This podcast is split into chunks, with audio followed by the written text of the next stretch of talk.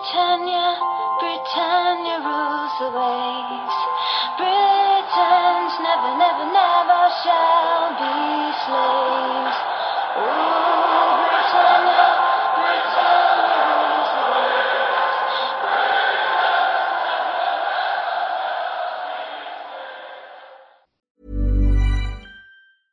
Hey, I'm Ryan Reynolds. Recently, I asked Mint Mobile's legal team if big wireless companies are allowed to raise prices due to inflation. They said yes. And then when I asked if raising prices technically violates those onerous two year contracts, they said, What the f are you talking about, you insane Hollywood ass? So to recap, we're cutting the price of Mint Unlimited from $30 a month to just $15 a month. Give it a try at mintmobile.com slash switch. $45 upfront for three months plus taxes and fees. Promo for new customers for limited time. Unlimited more than 40 gigabytes per month. Slows. Full terms at mintmobile.com.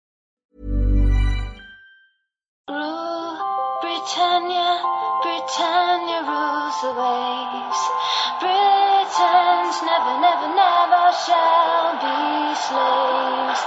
Ooh, Britannia, Britannia rules the waves.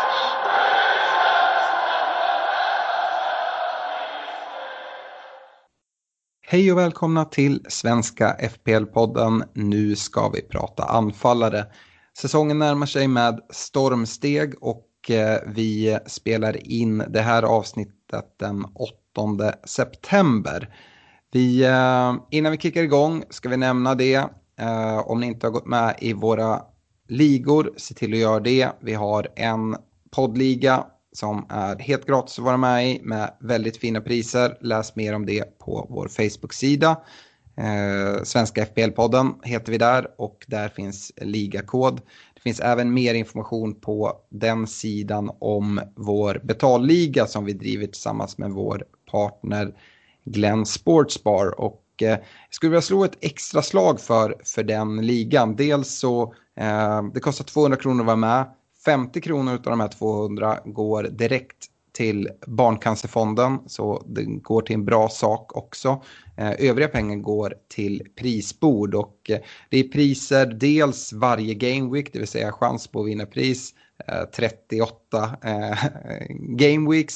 Dessutom så är det fina månadspriser med chans på att åka iväg och, och kolla på fotboll här när när det öppnar upp sig. Och fotbollsresorna det sker med vår eh, partner till podden i Olka Sportresor.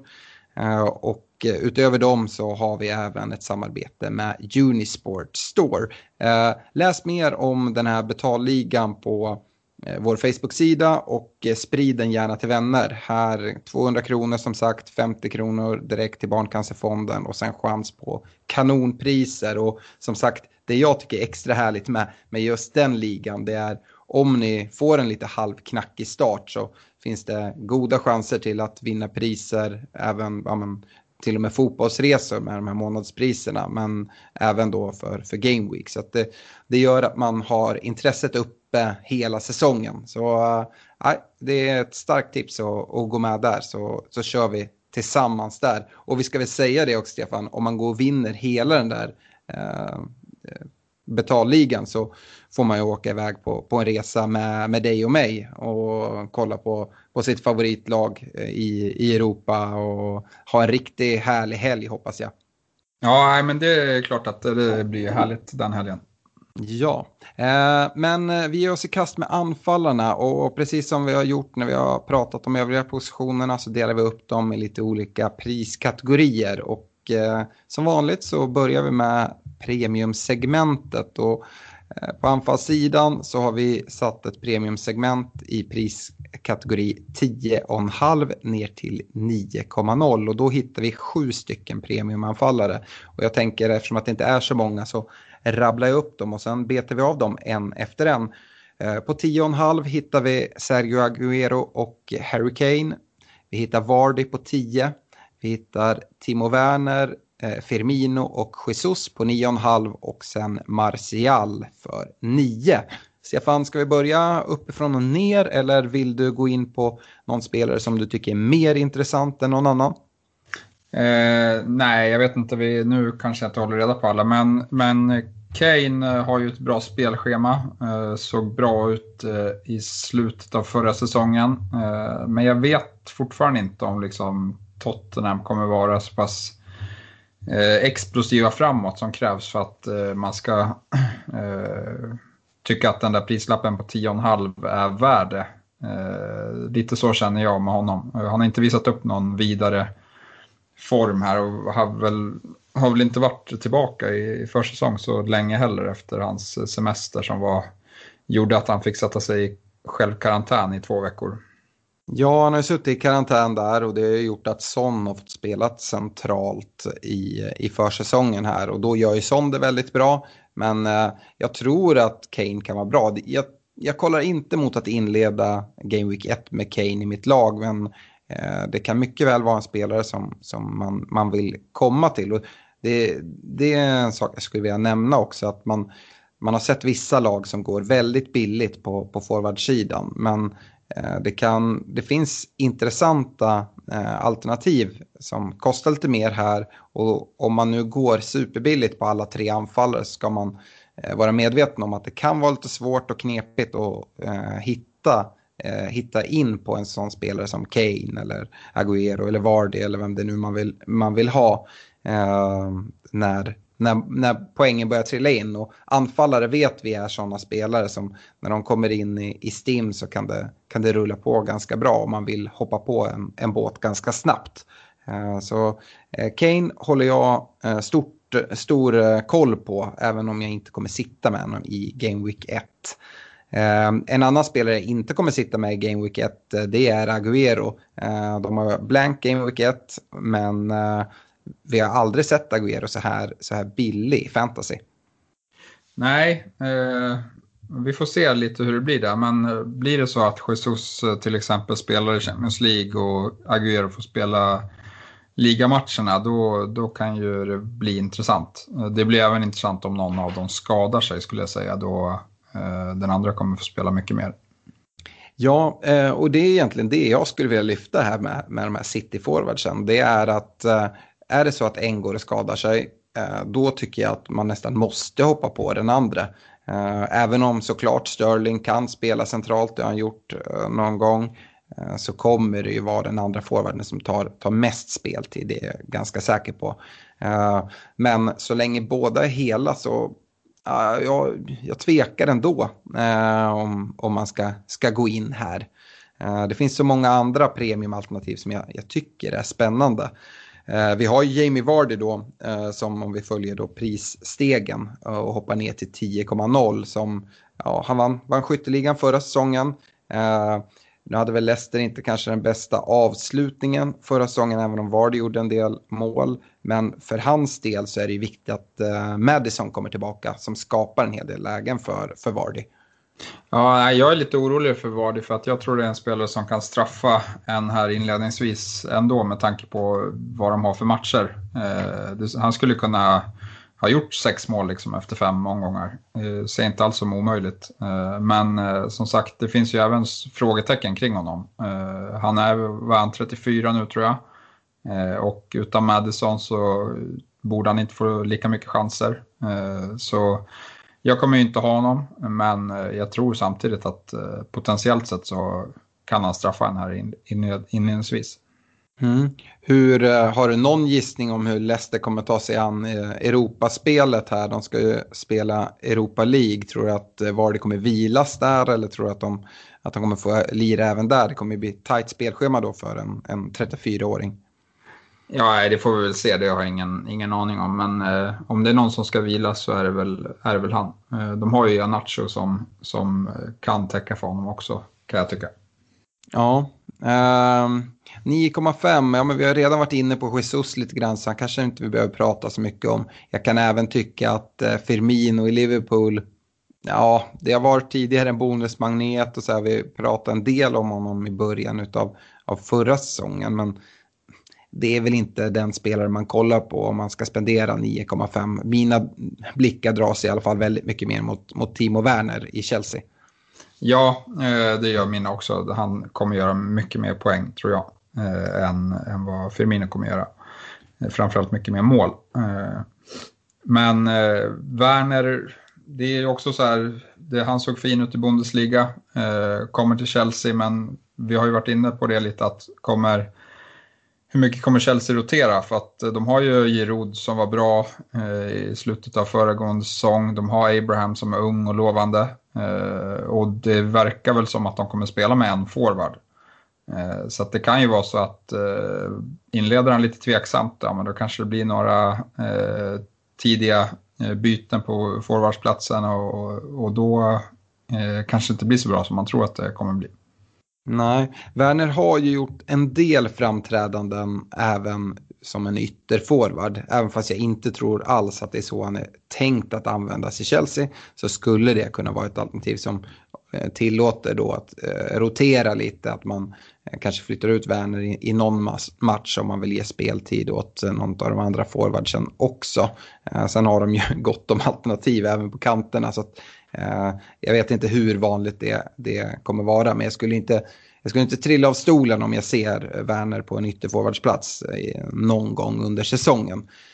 Ehm, eh, Werner tycker jag är väldigt intressant, däremot tycker jag att det är, jag tycker det är lite galet att se att han sitter i nästan 50% av alla byggen just nu här till, till Game Week 1. Det är fortfarande ett nyförvärv. Uh, och så. Uh, med det sagt då så sitter han i mitt bygge just nu inför Game Week 1. Så jag är en av de här 50 procenten. Uh, så jag kan väl inte ifrågasätta det allt för mycket. Och anledningen till att jag, jag, jag väljer att ha honom där det är att jag vill ha en offensiv spelare från Chelsea. Och mittfältet, ja, jag vill jag tycker att det är mer klart att Werner kommer få inleda som det självklara första valet på topp än exakt hur mittfältet kommer formeras. Så jag börjar gärna med Werner och sen så tycker jag att det finns många intressanta anfallsalternativ längre fram. Så det, det troliga är att man kanske eh, Ehm, byter, eh, byter anfallsspelare där och tar in en, en mittfältare i Chelsea som, som gör det bra. Kanske Pulisic när han är, är tillbaka up and running, om han kommer tillbaka till den fina formen han visade. Eh, det är i alla fall så, så jag resonerar. Jag vet inte hur, hur dina tankar går. Eh, nej, men jag är nog lite inne på att inte betala eh, lika mycket i anfallet eh, nu mera. Eh, så att eh, vi får se. Men, mm. men Werner är väl en som, eh, den som är närmast eh, om man ska gå dyrare, eh, även för mig. Ja, den sista spelaren som då klassas in i premiumsegmentet av oss nu, det är ju Martial i United. Stod som mittfältare förra säsongen, nu är han anfallare och han är ju den självklara nian i United han kommer göra mycket mål. Vi såg han på Old Trafford eh, i slutet av förra säsongen så det gick inte att stoppa honom. Eh, framförallt där var han ju ett jättebra kaptensalternativ och jag tror att målen fortsatt kommer rulla in för Martial. 9,0 är intressant. Blank Game Week i Game Week 1 men som det är just nu kollar jag på att ha han i, i laget eh, sittandes på bänken i Game Week 1 för att eh, ha United-spelare eh, här i starten. Ja, det har jag också kikat mot lite. Eh, dels för att jag tror att liksom, Palace eh, i omgång två kommer vara en riktigt fin match för United. Eh, Palace har ju mycket skador i backlinjen. Så det kan bli en, en sån här match där United gör en fyra mål, ser jag som, som möjligt.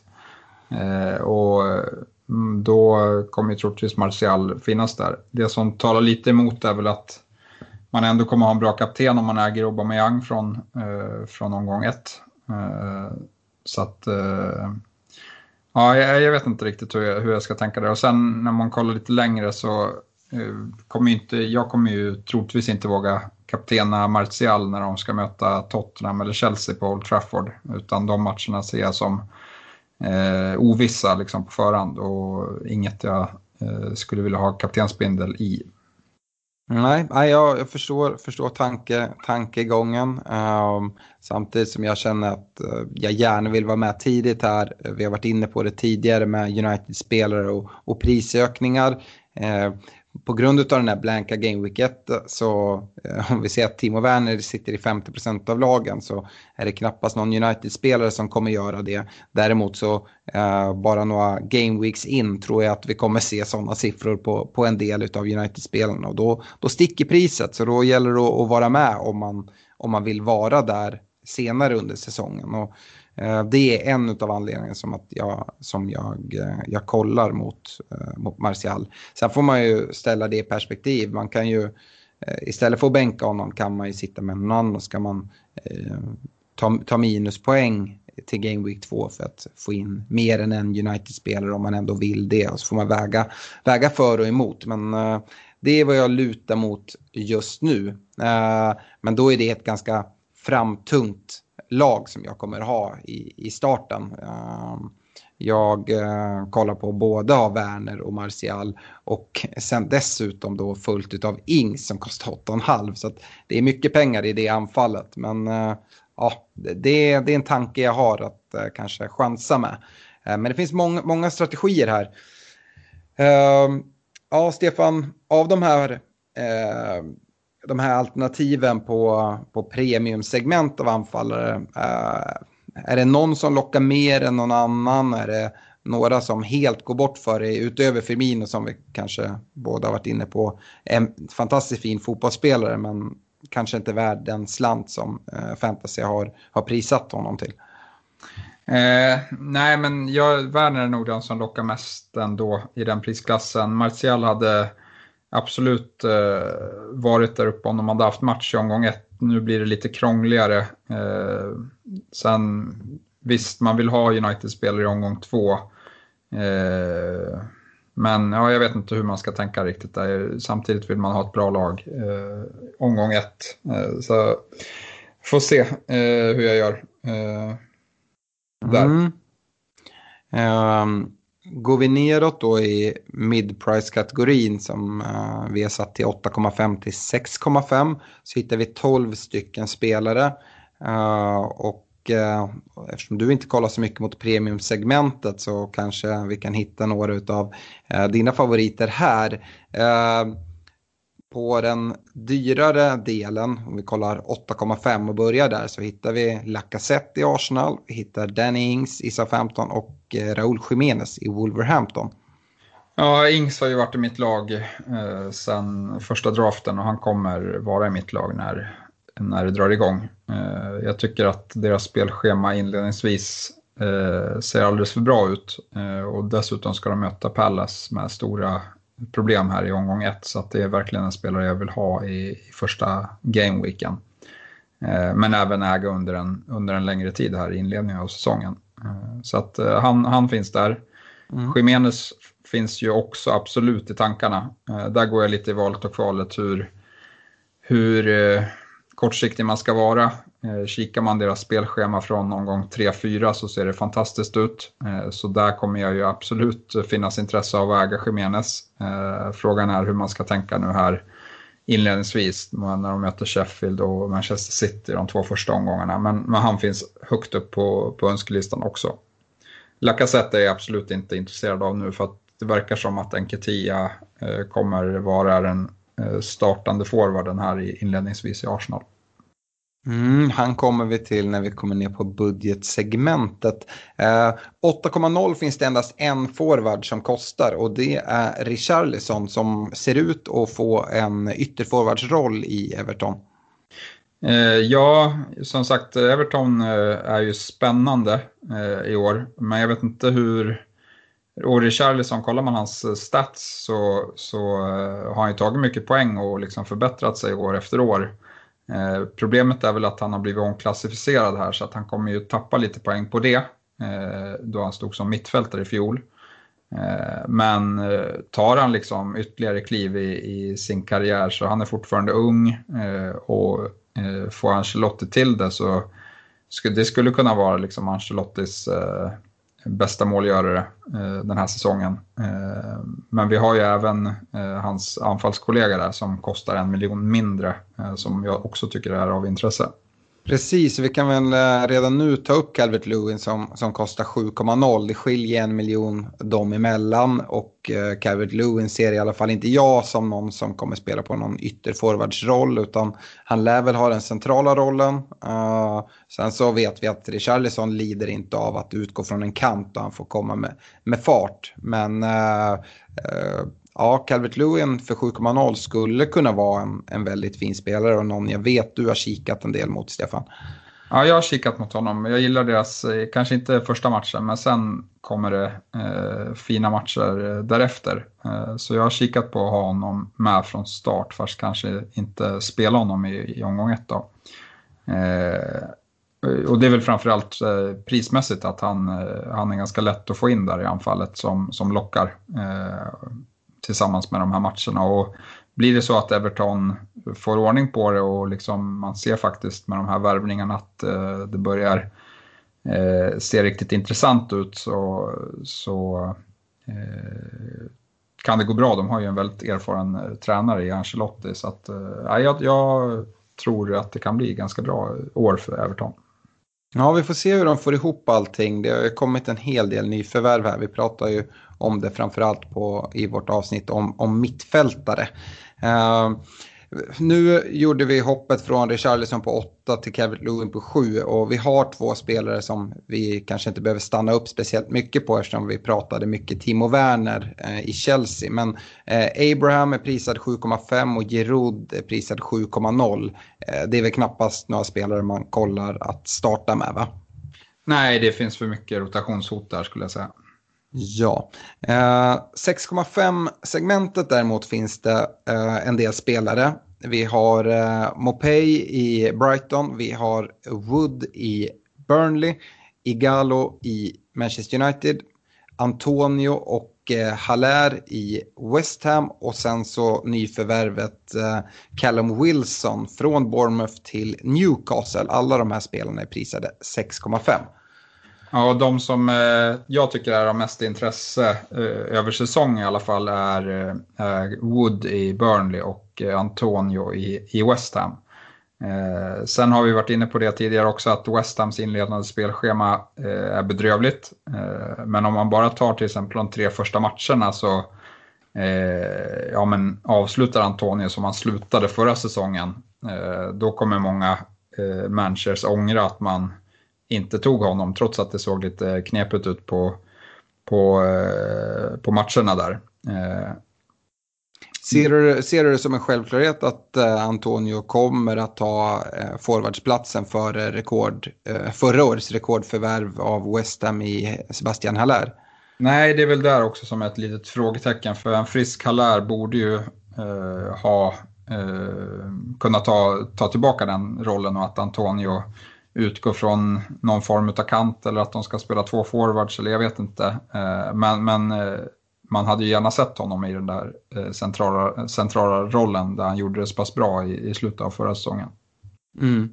I, uh, jag tycker den osäkerheten plus West Hams spelschema gör att jag uh, avstår här i, i starten. Men, men senare under säsongen så uh, om West Ham Eh, får ordning på sitt spel, vilket de eh, kanske sällan får, eh, så kan ett, eh, ett anfallsalternativ här runt eh, 6,5 kunna vara intressant oavsett om det är Haller eller Antonio beroende på hur, hur formen ser ut på dem och, och, och spelsätt. Men Chris Wood är väl den spelare som, som jag framförallt eh, kikar mot. Men det är samma där, det är blank i Game Week 1 och visst 6,5 är ju en spelare man kan sätta på bänken men jag känner inte att det är en spelare jag måste ha och därför vill sätta honom på bänken. Utan han kanske får komma in längre fram. Det är annars eh, bra värde i, i Chris Wood och eh, Burnleys eh, ja, fina spelschema. Uh, yes, uh, ska vi säga någonting kort om uh, Callum Wilson som Newcastle värvar in för en ja, men ganska, ganska um, rimligt pris tycker jag. De behövde inte betala supermycket. Eh, det är en beprövad forward eh, i, i Premier League som vi vet kan, kan göra sina mål. Uh, vad tror du om, om han i, i Newcastle? Nej, men det är väl en ganska smart värvning som du säger. Han, han har ju rutinen och eh, alla spelare kan väl ha ett dåligt år. Det var ju eh, säkert så att det var ganska tufft att spela i, i Bournemouth eh, i fjol också med tanke på hur mycket de fick kämpa för sin överlevnad.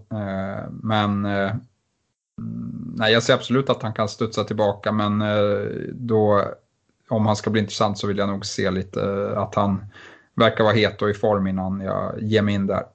Ja, vi, vi fantasy managers som har varit med i några säsonger känner ju till att det här eh, Fraser som också värvades in från, från Bournemouth, eh, att eh, det är inte helt ovanligt att han slår assist till, till Wilson som sätter dit den. Eh, men eh, precis som jag sa i mittfältsavsnittet att eh, Fraser har inte spelat fotboll på väldigt länge, men när säsongen har kommit in en bit och han kanske är igång så skulle det kunna vara att de får fart på sitt eh, gamla samarbete också. Då, då kan det trilla in en del poäng. Eh, problemet är att man skulle vilja ha, eh, ha det samarbetet direkt från start med Newcastles fina, fina spelschema.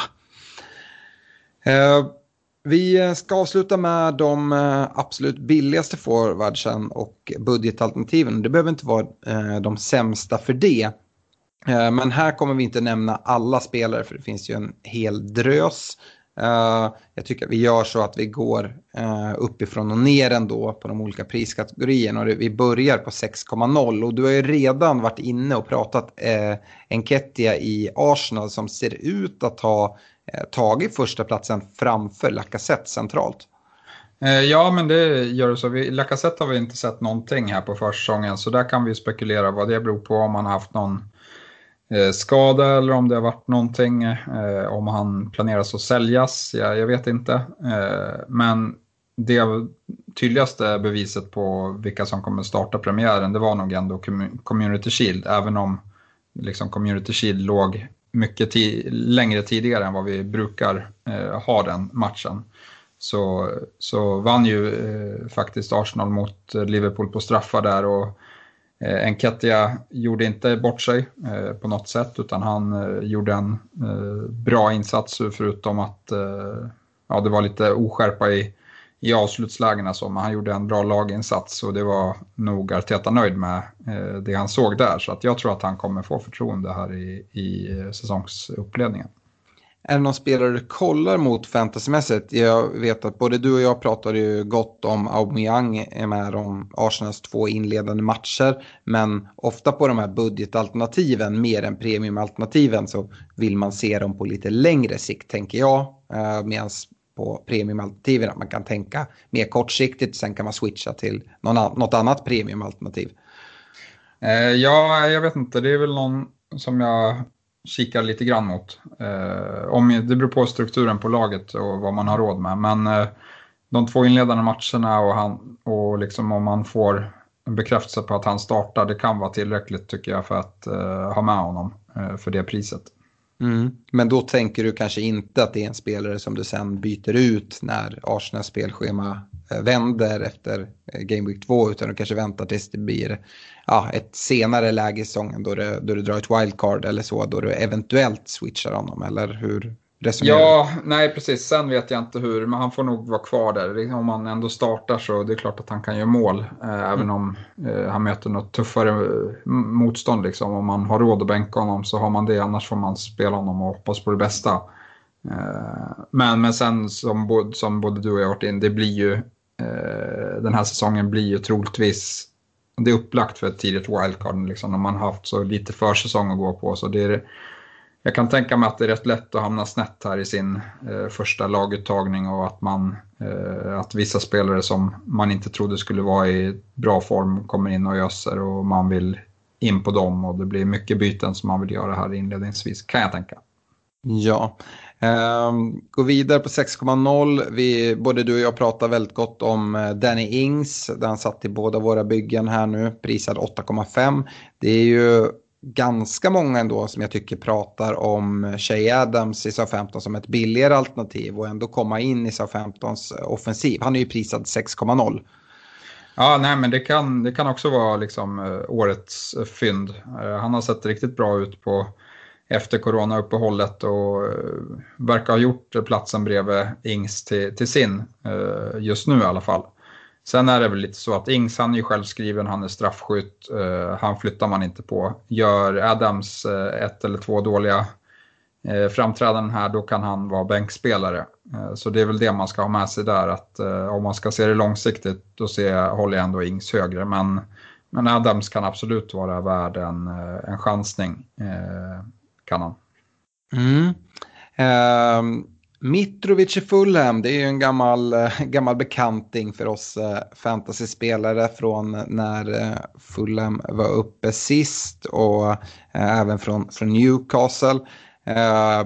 Prisad 6,0, sitter i ganska många lag här i, i fantasy ser straffskytt och ja, det finns mycket att säga om Mitrovic. Vad, vad säger du? Eh, ja, hetlevrad också.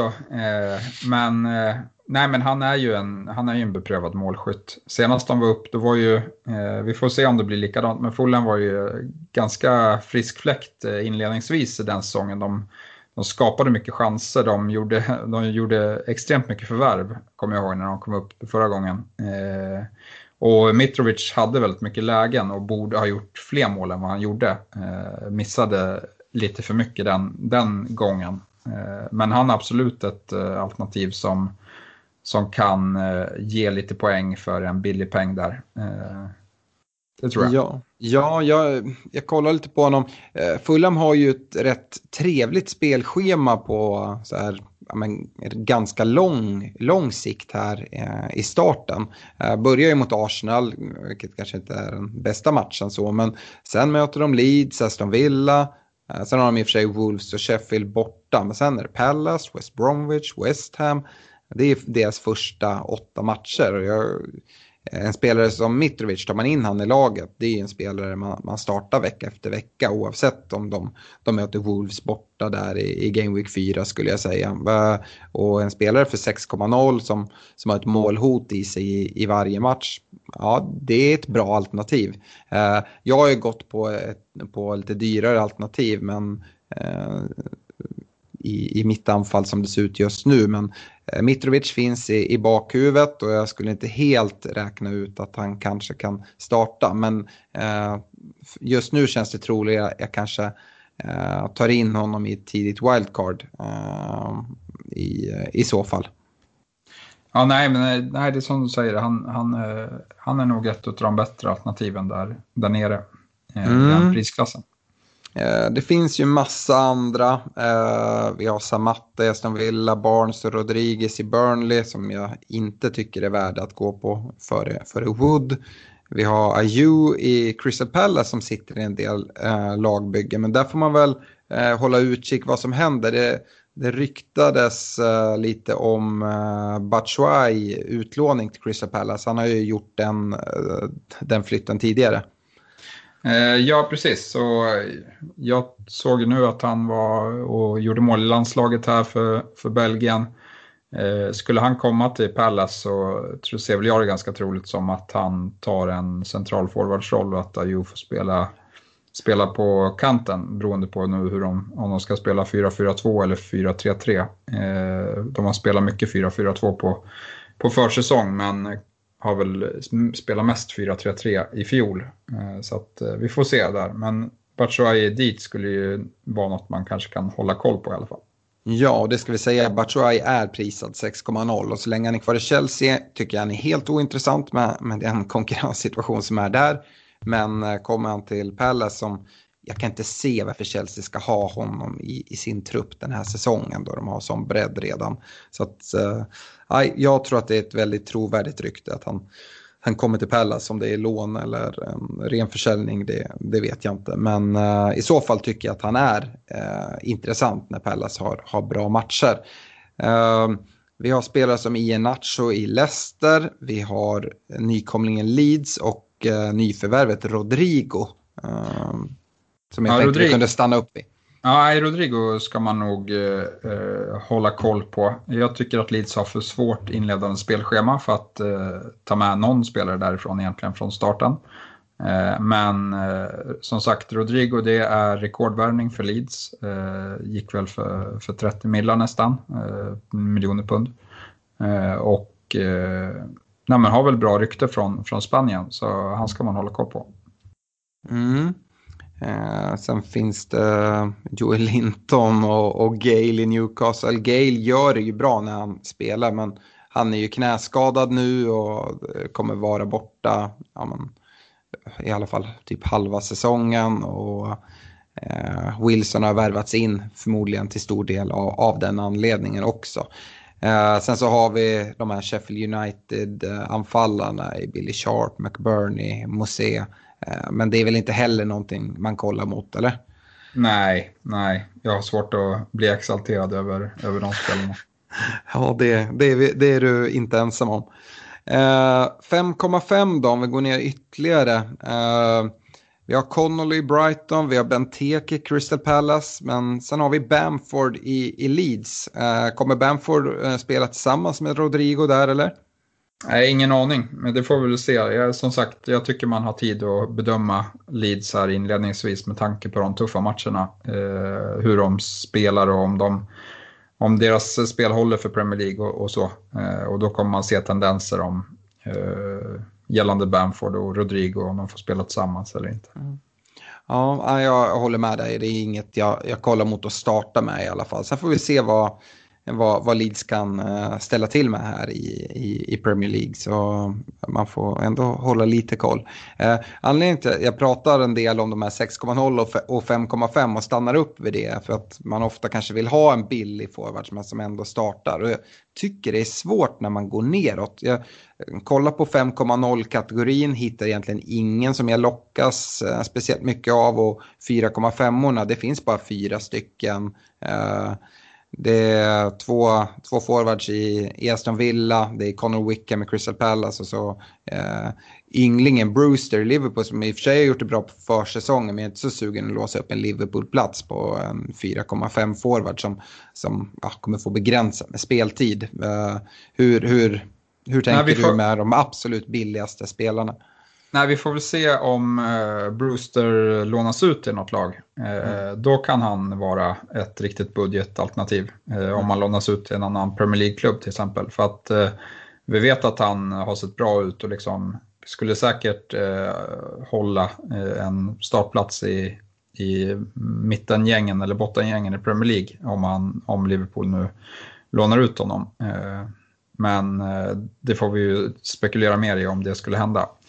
Annars så är det väl eh, eventuellt att Davis eh, skulle kunna vara första val i Aston Villa, men han är ju mer av en slitvarg och defensiv forward så att eh, jag vet inte hur långsiktigt det är. Nej, nej, det är mer i så fall om man bara vill Eh, spara in ordentligt och ha sitta längst ut på kvisten. Det är ett alternativ. Men eh, som sagt, kollar man på framförallt 6,0 så tycker jag där finns det ju eh, fina alternativ. Eh, kanske framförallt i Enketia, Shea Adams eller Mitrovic. Eh, så här till start. Rodrigo ska nämnas i Leeds där också tycker jag. Uh, har, hur ser dina uh, liksom favoriter ut? Är det ungefär samma spelare som jag nämner? Nej, men jag står nog lite i valet och kvalet mellan Enketia och, eh, och Mitrovic. Ja. Eh, känns det som. Eh, jag har ju Ings redan självskriven och det, visst man ska väl aldrig utesluta att dubbla upp i lag fast att dubbla upp i Southampton känns inte lika bra som att dubbla upp i något topplag. Så att Ings får nog räcka därifrån även om Adams har sett bra ut på försäsongen. Ja, och där kan man väl kasta in den diskussionen att eh, eh, ja, men man lockas ju mycket av att spara in de här 2,5 på att välja Adams före, före Ings. Men ju, jag vet inte, ju mer jag tänker på det, jag, jag tycker, eh, det är ju vanligt i, i fantasy man pratar om täckning i lag tycker att det framförallt kanske lämpar sig att prata om försvar eller liksom målvakter. Att man har täckning i ett, i ett bra försvar eller ett bra spelschema för, för, för något, något lag.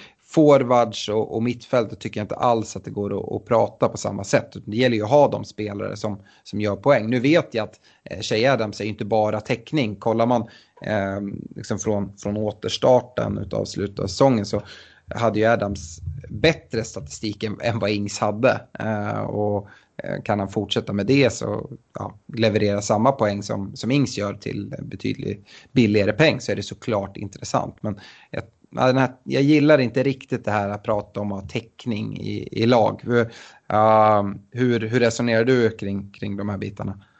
Ja, nej, jag håller med dig där. Man kan inte ha täckning på offensiv eh, för att det är väldigt individuellt och från lag till lag eh, skulle jag säga. Eh, sen visst, liksom, fortsätter Adams leverera liknande statistik och, och, så som, som Ings, då är, det ju, då är det ju en helt annan sak. Då kan man ju jämföra dem mot varandra.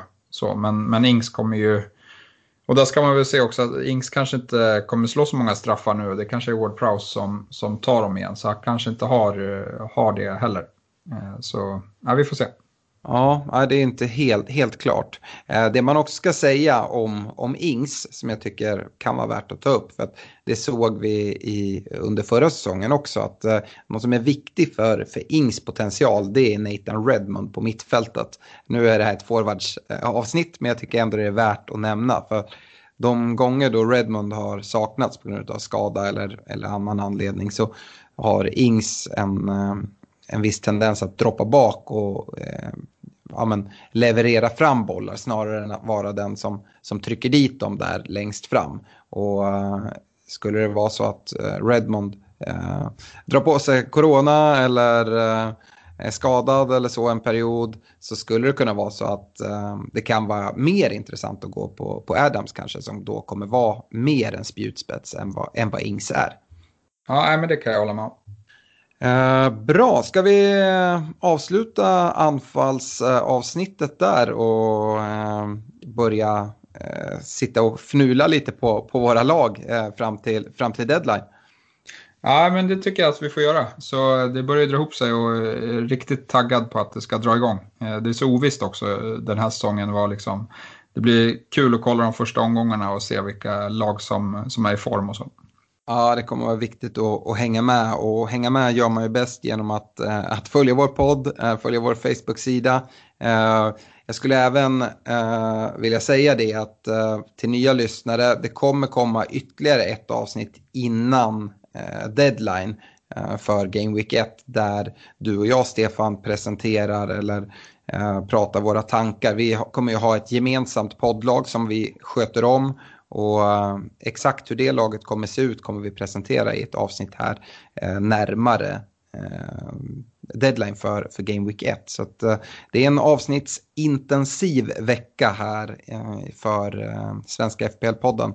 Så se till att hänga med och Säg åt era vänner att lyssna på podden, följ oss på Facebook och gå med i våra ligor. Och och eh, med det så tackar jag för att ni har lyssnat och eh, vi hörs igen inom kort. Ha det bra! Det gör vi. Tack och hej!